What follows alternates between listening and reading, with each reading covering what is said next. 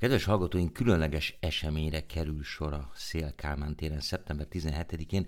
Somló Dávid Drift című hipnotikus hangkoreográfiáját láthatjuk, sőt, csatlakozhatunk is hozzá, és itt van a vonalban maga Somló Dávid. Szia Dávid! Szia, szia András! Meséljek egy kicsit az előadásra? Mesélj, de azért annyit el akartam rólad mondani, hogy hát interdisziplináris művész vagy, ami hát ebben a formában egy kicsit misztikusan hangozhat azoknak, akik nem annyira jártasak a kortás műfajban, de ha egyszerűen akarok fogalmazni, illetve ahogy te is fogalmazol magadról a honlapodon, valami olyasmit írsz, hogy te vagy a srác, akinek nagyon sok hangszórója van, és ezt be is mutatod egy helyes animációval, egy koloniál fotelbe üldögélve vesznek téged körül a hangszórók. Tehát tulajdonképpen valami olyasmira kell itt számítani, hogy te hangokkal foglalkozol, sőt, talán uram, bocsá, zenész vagy, bár te ezt nem állítod magadról, de hát tulajdonképpen ugye mindenféle hangkompozíció az valahol zene, ha úgy vesszük, és akkor ezekkel, meg a terekkel, meg improvizációval foglalkozol, nem tudom mennyire írtam ezt jól körül. Elég jól körülírtad, nekem a, a, a, amúgy mindig gondom van a avval, hogy körülírjam, hogy mit csinálok. Amiket csinálok, azok általában nehéz elmondani, de amikor ott van az ember, akkor nagyon könnyen érthető, tehát az én célközönségem az tényleg a 6 99 évig van. Talán még azt érdemes elmondani, hogy, hogy azért sokan foglalkoznak hangokkal, de hogy amit el kell képzelni nálam, hogy én, én inkább előadásokat csinálok, aminek sokszor a, a hang, meg a tér és az interakciók a, a főszereplői, és hogy, hogy a, a hangnak a térbelisége az, az szinte minden előadásomban ilyen központi szerepet kap, és a hangnak a térbeliséget ezt, ezt nyilván eh, sok hangszóróval lehet a legjobban bemutatni, ezért, ezért is van sok hangszóró, mint egy ilyen eszközpark. Igen, de bocsánat, hagyd kérdezek rögtön közbe, hogy például egy olyan helyen, mint a Szélkálmán tér, Moszkva tér, ugye eleve nagyon sok, hát nem hangszóró van, de nagyon sok forrásból jön a hang. Most azt te egy ilyen alapszőnyekként használod, és ezt még megspékeled az extra hangokkal, amik a hangszóróidból jönnek, és az egészből jön egy ilyen kavar, vagy harmónia, ha úgy tetszik, vagy próbálod az ott jelenlévő hangokat inkább távol tartani ettől? Távol tartani semmiképpen nem akarom. Nem, nem is nagyon lehet. lehet ezért Legyünk őszinték. Igen. Hát am, nekem alapvetően két vonulata van ezeknek az előadásoknak, amit csinálok hanggal. Az egyikben a hang az olyan értelemben a főszereplő, hogy, hogy ezek ilyen mély hallgatás élményeket generálnak, amikor tényleg ilyen a legapróbb rezdülések és a, a, a legapróbb térbeli változtatásoknak is jelentősége van, illetve van ez, amiben ez az előadás is, is beletartozik, ahol inkább a, a hangnak egy ilyen nagyon erős megtartó szerepe van, és hogy hát alapvetően az elég különleges hangélmény, hogy, hogy 15 hangszóróból szól valami, és ez folyamatosan mozog a, a hallgató körül, de hogy itt inkább egy ilyen szövetet kell elképzelni, ami amikor elindul, akkor így, így, így beborítja, mint egy ilyen buborék a, a, az egész szélkámenteret, és egy gyakorlatilag egy ilyen harmóniába sétálnak bele, és uh-huh. mozognak bele, meg jön bele a villamos. Tehát itt egy, inkább egy ilyen hangszőnyegre kell gondolni, ami gyakorlatilag folyamatosan mozog, mivel a hangszórókat az előadók hordozzák magukkal, magukkal ilyen öftáskákba. Ez már az, ez az ötödik alkalom, hogy csinálom, ez 2019 óta van ez a, az előadás, és igazából nekem ez, én amúgy is szeretem hosszan játszani, amiket csinálok, de ez külön tetszik, hogy ez, ez, ez teljesen beállt, hogy minden szeptember elején megcsinálom, és akkor van egy ilyen, egy ilyen tradicionális hangulata, és hogy ez eléggé így terjed az emberek között, tehát minden például sok érdeklődő van mindig eljön 100-150 ember. És mit kell nekik csinálni? Mert ugye toborzol embereket. Toborzás az az előadóknak. Uh-huh. Tehát előadókat toborzok, az van itt 15-en előadó van, akiket két nap alatt tanítok be, és akkor gyakorlatilag ők adják elő ezt a egyszerű, de, de öt részből álló ilyen séta koreográfiát. A nézők meg csak igazából jönnek és figyelik, hogy ez milyen interakcióban van a térrel, illetve annyit azért el lehet végül spoilerezni, hogy halad előre a koreográfia, ugye egyre sűrűsödik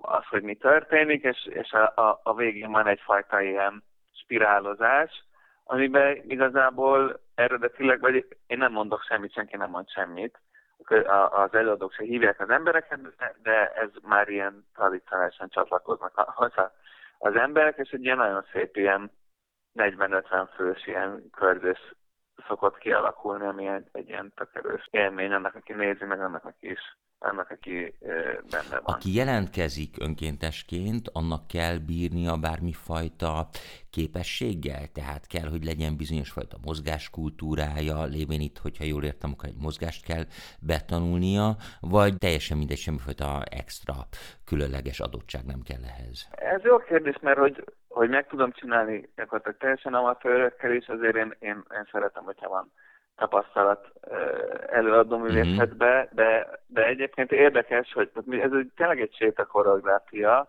de, de azért a tapasztalat az azt mutatja, hogy egyébként ez, ez híres az előadó művészetben, hogy a legnehezebb az, az természetesen sétálni a színpadon. Szóval ezt a, leg, a legjobban a táncosok tudnak természetesen Aha. sétálni. Na jó, ha már itt a természetes sétánál tartunk, meg a Szélkámán térnél, ugye volt neked egy filmed, ami hát tulajdonképpen nevezhetjük ezt valamilyen formában média hacknek, én sokkal többnek gondolom, de nyilván hát ki, ahogy értelmezte, itt tulajdonképpen ugye arról volt szó, hogy te beharangoztad a világ legnagyobb koreográfiáját, és tulajdonképpen ez a koreográfia pusztán csak a sétáló emberek megmutatása volt ugyanitt a Szélkámán téren, de viszont ezek alatt lehetett a te rendezői instrukcióidat hallani.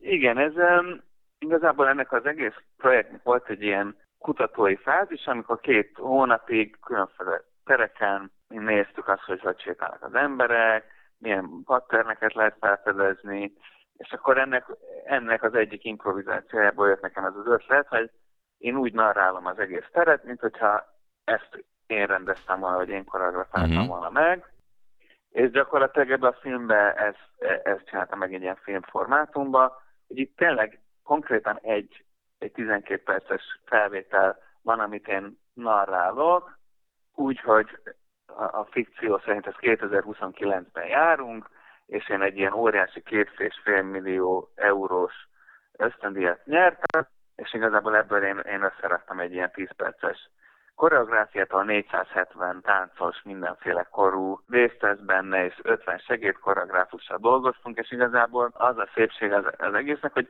tényleg cson nélkül végig tudtam úgy narrálni, ilyen kis zoomolásokkal, hogy mindig történt valami olyan a téren, amit, amit egy ilyen nagyon sajátos, karakterisztikájú, koreografikusan értelmezhető sétálásnak lehetett leírni, és hogy igazából ez valószínűleg bármelyik nagy téren, bármikor fölvéve meg lehet csinálni, és engem ez izgat, hogy hogy lehet a, a köztéri mozgásokra koreográfiaként tekinteni. Hmm.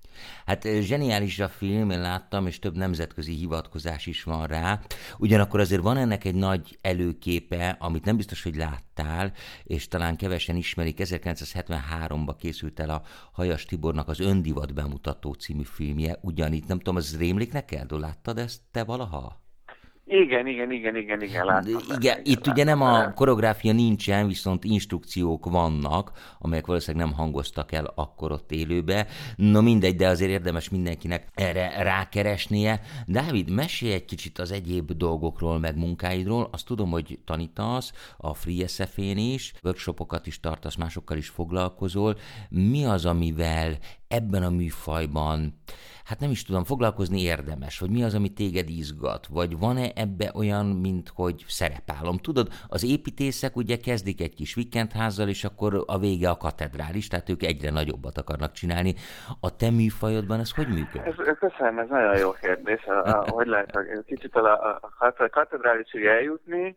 Um, igazából nekem egy nagyon valahol egy egyenes vonalú alkotói pályámban olyan értelemben, hogy hogy én valahogy mindig a figyelemmel, a jelenléttel, a térrel, az, hogy hogy interaktálunk egymással, ezekkel foglalkozok, tényleg ez egy nagyon egyszerű elemeken keresztül, és akkor ennek, ezeknek különféle variációit csinálom. Nem is egy variációt, hanem hogy csinálok egy munkát, abból eszembe jut egy következő uh-huh. variáció, amit picit más szeletét lehet bemutatni, amikor jobban interaktív van, amikor jobban a köztéri sétálás van, amikor jobban a hangok, de van egy hasonló hangulata. Amúgy engem nagyon érdekel az, hogy monumentális, hogy csinálni, és ennek most főleg anyagi hiányosságai vannak, hogy ezt meg tudjam csinálni, ami ilyen jövőbeli terveim lennének az, hogy, hogy nagyon szeretnék csinálni egy mondjuk egy 200 fős ilyen interaktív koreográfiát, 200 hangszóróval, ami tényleg az, hogy milyen egy ilyen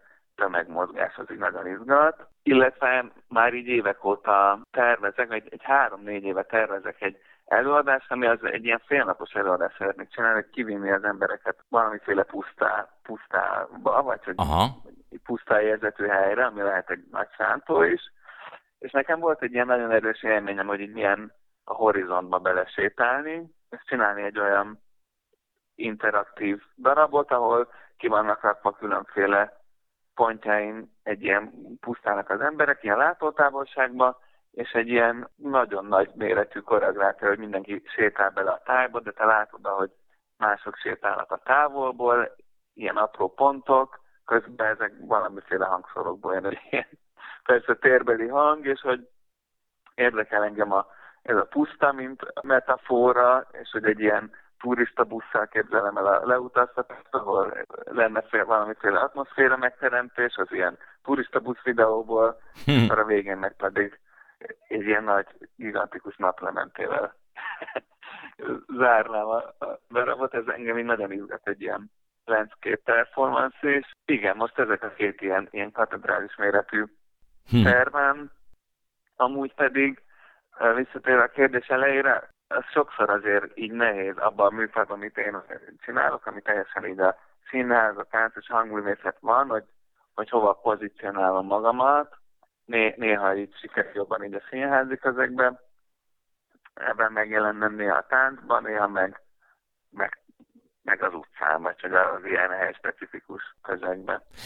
Hát igen, nézd, a pozicionálás egyébként nem csak átvitt értelemben izgalmas kérdés, hanem egészen gyakorlati értelemben is, hiszen ezekben a performanszokban hol helyezkedjem el én, hogy élvezni tudjam a dolgot teljességében. Ugye ez egy nehéz kérdés, hiszen ha bolyongok, akár mint résztvevő, vagy egy meghatározott koreográfia szerint sétálok egy hangszóróval a hátamon, akkor nyilván az lesz a legerősebb hang, tehát kevésbé tudom élvezni a többieket, de hogyha egyszerűen csak résztvevő vagyok, akár itt a pusztában, akkor a pusztának melyik pontján kell ahhoz lennem, hogy minél teljesebb élményt kapjak. Hát nyilván ez egy teoretikus kérdés, de biztos, hogy a pozicionálás az nem csak a te szakmaiságodban, hanem a munkáidban is sok kérdőjelet vet föl. Ez abszolút, de én, én, én most fejezem be a, a, a doktorimat a, a képzőn, és a testek és hangok térbeli elhelyezés a néző élményének alakításához ez a, Aha. ez a címe, úgyhogy ez teljesen a, a, az én. Igen, adekvát a kérdés.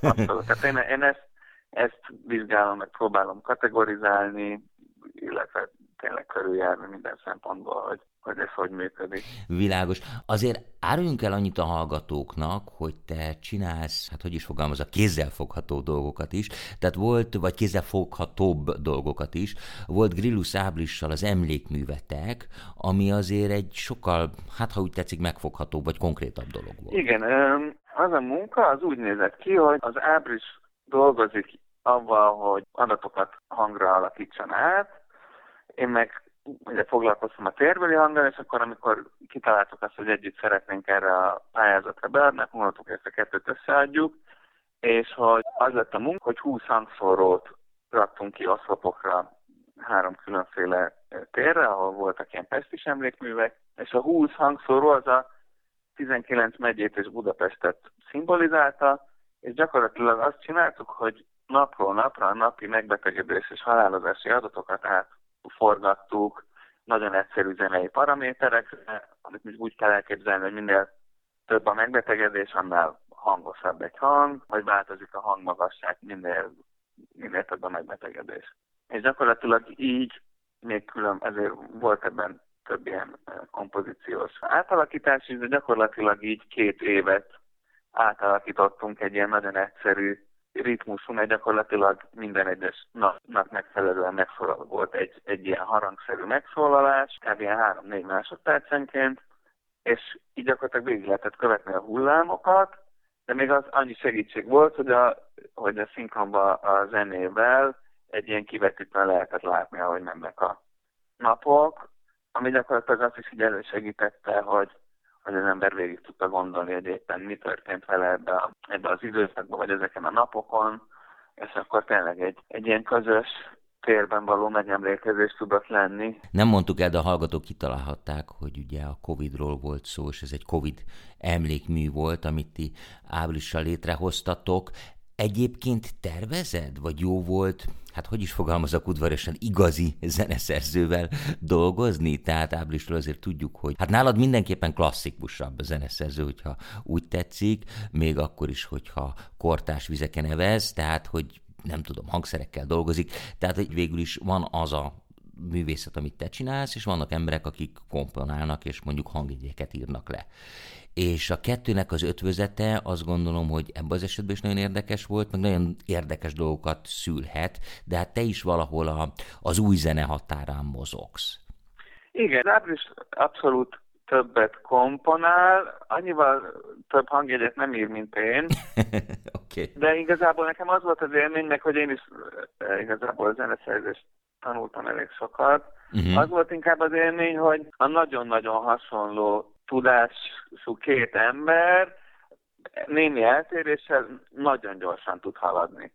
Tehát az, az, annak az élménye, hogy, hogyha valaki teljesen közös nyelven közelítenek meg valamit, és van, amit az egyik picit jobban tud, a másik jobban tud, akkor tényleg tehát annyira könnyű volt ez a munka, hogy, hogy tényleg egy semmi, semmi, se kreatív, se gyakorlati elakadás nem volt, ez, ez nagy élmény volt nekem. Itt átugrottam azt a tényt, hogy te zeneszerzést tanultál, de hát nyilván azért ez, ez nagyon sokat jelent, meg nagyon sokat segít, meg nagyon sokat mozdít elő, és nyilván egy új perspektívát ad ennek a munkának. Térjünk akkor ez vissza egy szó erejéig a 17 rendezvényre tehát ez vasárnap lesz, és este 6 órakor, és akkor előzőleg kell jelentkezni azoknak az önkénteseknek, akik részt kívánnak venni a koreográfiában. Ez, hogy... már, ez már le is zárult. Ez már le is zárult, úgyhogy, úgyhogy önkéntesek jelentkezések.